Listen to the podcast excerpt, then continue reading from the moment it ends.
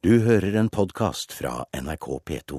Fredagspanelet er samlet i Kulturnytt. Agnete Haaland, eh, teatersjef eh, ved Det Nasjonale Scene i Bergen, velkommen. Tusen takk. Olav Brostrup Müller, eh, småbyjournalist og blogger, velkommen i Lillehammer. Hei, hei. Og Inger Merete Hobbelstad, kommentator og kritiker i Dagbladet, hei. Hei. Første spørsmål. Medlemmer av kultureliten har gått i fakkeltog.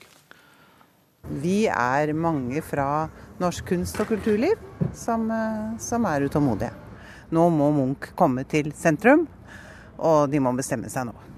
Sa en av dem, tidligere museumssjef Karin Hellandsjø. De har gått i fakkeltog mot Bjørvika for nytt Munch-museum. Har de valgt riktig aksjonsform for å nå sitt mål, Inger Merete Hobbelstad? Nei. Agnete Haaland. Mm, jeg liker aksjoner, da. Olav Brostrup Muller. Ja.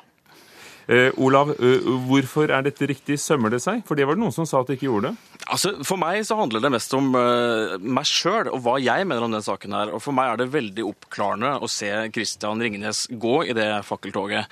For synet han i det fakkeltoget det gjør at det er mye, mye, lettere for meg å treffe en beslutning hva jeg mener om saken.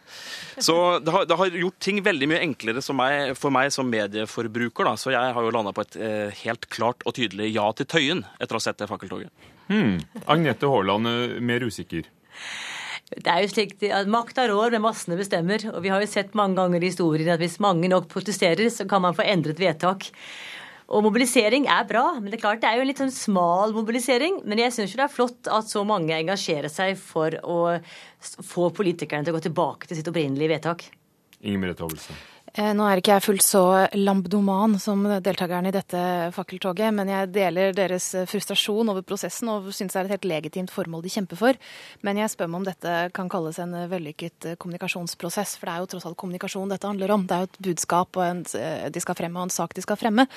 Og jeg tenker at ved å gripe til akkurat fakkeltoget, som man ofte eh, forbinder med mer kanskje sånn eh, alvorstunge verdiene våre, altså mot rasisme, mot eh, fremmedfrykt, altså som gjerne oppstår etter ganske alvorlige og traumatiske hendelser, så stiller de seg laglig til for hogg, tenker jeg. At er, de blir veldig lette å latterliggjøre nettopp fordi dette er en aksjonsform som man forbinder med ganske andre formål. Så da tenker jeg at en mer eh, Eh, holde seg mer i tømme og heller samle tusenvis av underskrifter og skrive innlegg, plakater, gjøre, gå den mer litt mer eh, siderumpa tradisjonelle, men kanskje litt mer passende måten ville vært det riktige valget her. Eh, operasjefen Tom Remlov sa som privatperson at dette var latterlig å, å, å, drive med slikt, Olav? Ja, jeg, jeg, Hva skal man si? Altså, det er veldig sterke virkemidler, dette her. Det er klart at sånn som Inger Merete påpeker, så er det jo en enorm avstand mellom, eh, mellom eh, aksjonsformen og eh, sakens kjerne her. Det blir litt som å legge seg inn på sånn sultestreik for kjønnsnøytral keramikk, på en måte, føler jeg. altså. Det er litt tungt skyts, og nok noe som mange der ute vil oppfatte som litt elitistisk, nesten. Agnete, hører du vel inn? Et fakkeltog er jo også en hylling av fredsprisvinnere. og klart at På årets nobelpris-fakkeltog så kommer jeg ikke til å gå.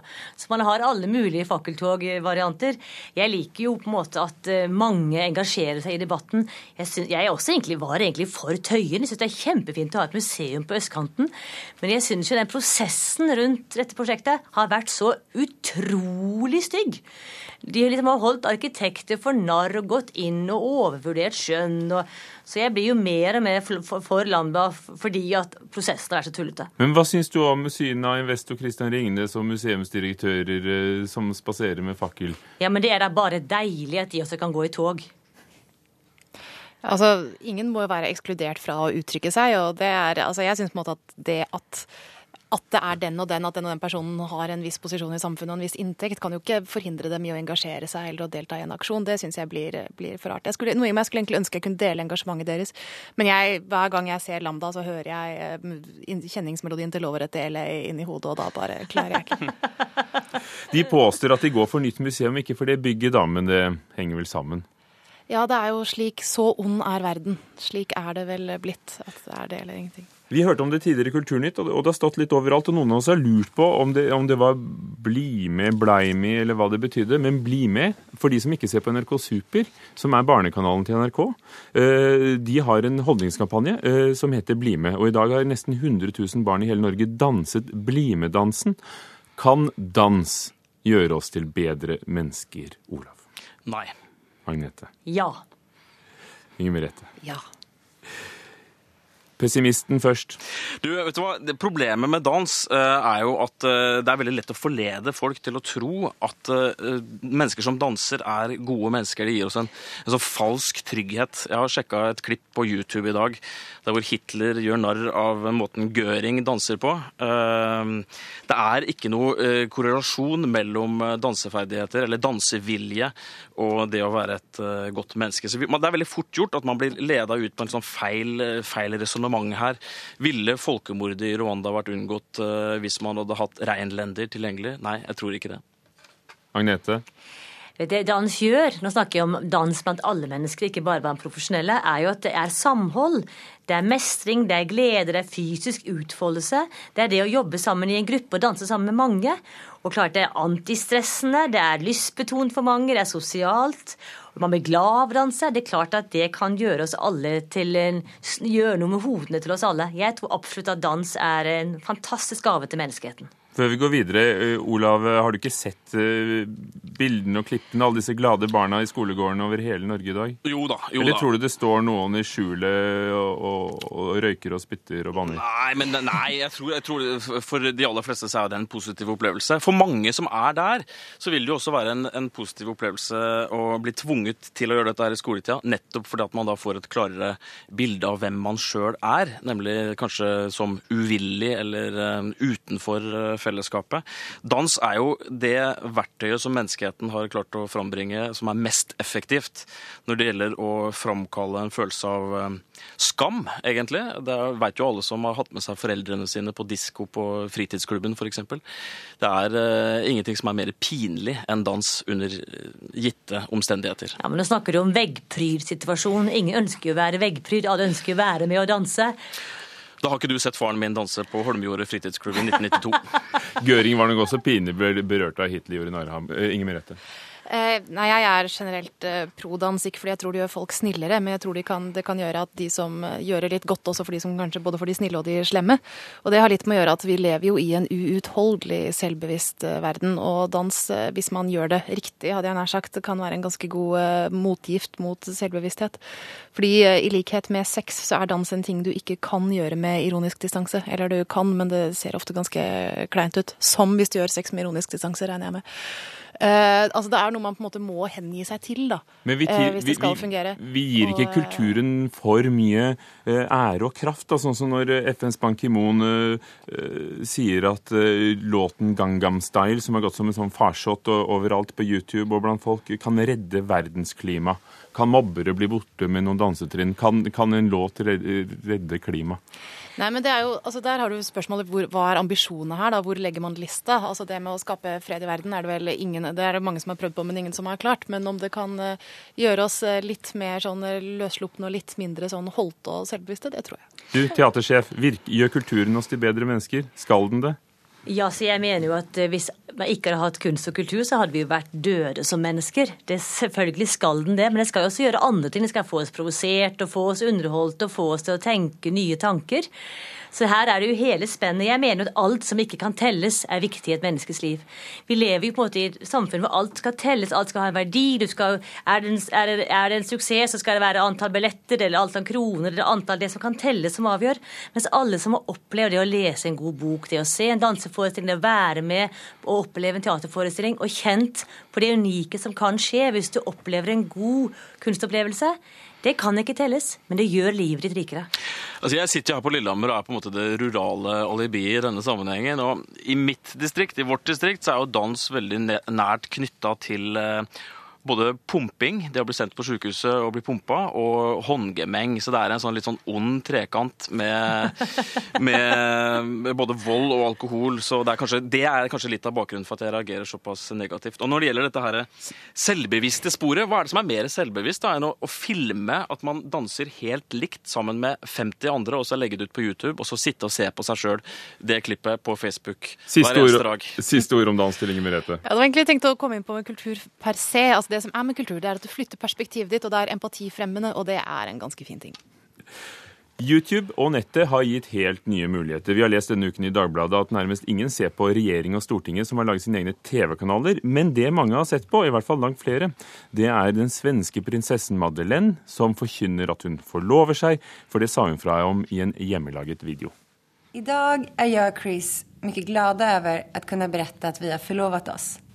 I'm also learning a little Swedish. Jag glömmer mig svenska, men det är svårt. Vi kan även berätta att ett bröllop kommer ske i sommar, vilket vi ser väldigt mycket fram emot. Tihi. Tihi fra prinsesse Madeleine og Christopher O'Neill. Er det vellykket når de kongelige iscenesetter seg selv, Agnete? Vi lever jo i en tid hvor alle Ja eller nei? Ja eller nei? Nei. Olav? Ja. Inger Merete? Ja. Agnete, vær så god. Jeg syns bare det er litt pinlig. Det er mest det. De er ansatt måte, av den svenske stat for å være konger, og så kan de ikke engang bruke pressen for å markere sånne store begivenheter. Jeg må innrømme at Dette er ikke en sak som tar meg langt inn i sjela, men jeg syns det var litt sånn underlig hjemmelaget video de da laget når de først skulle gå ut. Men de går jo inn i en tradisjon hvor man, veldig mange ønsker å iscenesette seg selv og selv formidle det bildet de ønsker skal bli formidlet. Selvfølgelig er det litt keitete og litt sånn småflaut kanskje å se på, men det er noe av det søte i det også. Og når det er sagt, de gjør jo bare det absolutt alle andre mennesker på deres alder gjør, nemlig at de eh, sier det de har å si på den måten de selv velger å si det, i det mediet de selv velger å si det. Eh, så jeg kan ikke si at dette skiller seg fra måten vi eh, skaper oss selv i sosiale medier, eh, i, medie, i tradisjonelle medier eh, osv. Det som ville vært problematisk, var hvis dette var den eneste måten de kongelige kommuniserte med verden på. Altså, Da ville man- nesten gå tilbake til de gamle dekretene, ikke sant? hvor det kommer eh, et sånt eh, papyrusrull omtrent, hvor man eh, forkynner hvordan det skal være og vil bli.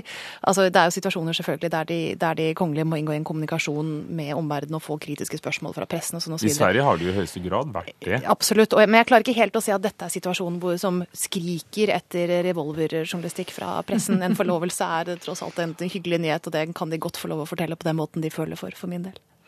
Jeg tror at det lille tihiet på slutten der eh, vil føre til at alle kritiske spørsmål rundt bryllup og kostnadene ved det, og statsformen man har i Sverige, rykker faktisk eh, en del lenger unna enn de ville gjort ellers. Nettopp fordi at prinsessen og hennes familie framstår som så hva skal man si, eh, svake på en måte. Altså, eh, det er noe litt sånn hjelpeløst eh, ved hele institusjonen. Og mm, ja, man syns jo nesten litt synd på dem. Jeg vil ikke si det, altså, men du kan si at den følelsen denne videoen gir, er jo nesten noe det samme du kan få ved faktisk det vi snakket om, se på folk danse eller se på Jakten på kjærligheten og sånn. Det er jo den lille sånn at folk blottstiller seg selv litt. Det er jo en iboende sårbarhet i å gjøre sånne ting. Stå for åpen kamera og på en måte eh, være følsom og være, være åpen og litt uh, klønete på den måten. Så det Men det er jo nettopp det som gjør det vanskeligere for pressen å ta dem, da, når det kommer et sånt lite ti-hi på slutten. Da er de noe annet enn en institusjon, da er de mennesker, og da er det vanskeligere å, å kanskje kritisere ja, Men de dem. gå i var da mennesker sist jeg sjekket, i hvert fall. Agnete, du som er skuespiller og, og, og også teatersjef, hvilke tips vil du gi dem? Nei, altså De har jo stått frem som seg selv, så de spiller jo ikke i noen annen rolle enn det å være kongelige som prøver å virke, eller å vise at de også er helt vanlige mennesker, og kommunisere med verden slik som ungdom jo gjerne gjør. Tror du de er helt vanlige mennesker og er seg selv? Ja, i den grad offentlige mennesker sånn som de er, er vanlig, selvfølgelig er de vanlige mennesker, men de har jo et litt annet større apparat rundt seg enn de fleste mennesker har, da. Dere, takk skal dere ha. Agnete Haaland, teatersjef ved Nasjonale Scene, Inger Merete Hobbelstad i Dagbladet, Olav Brostrup Müller i Gudbrandsdølen Dagningen, journalist der. Det var Fredagspanelet. Du har hørt en podkast fra NRK P2.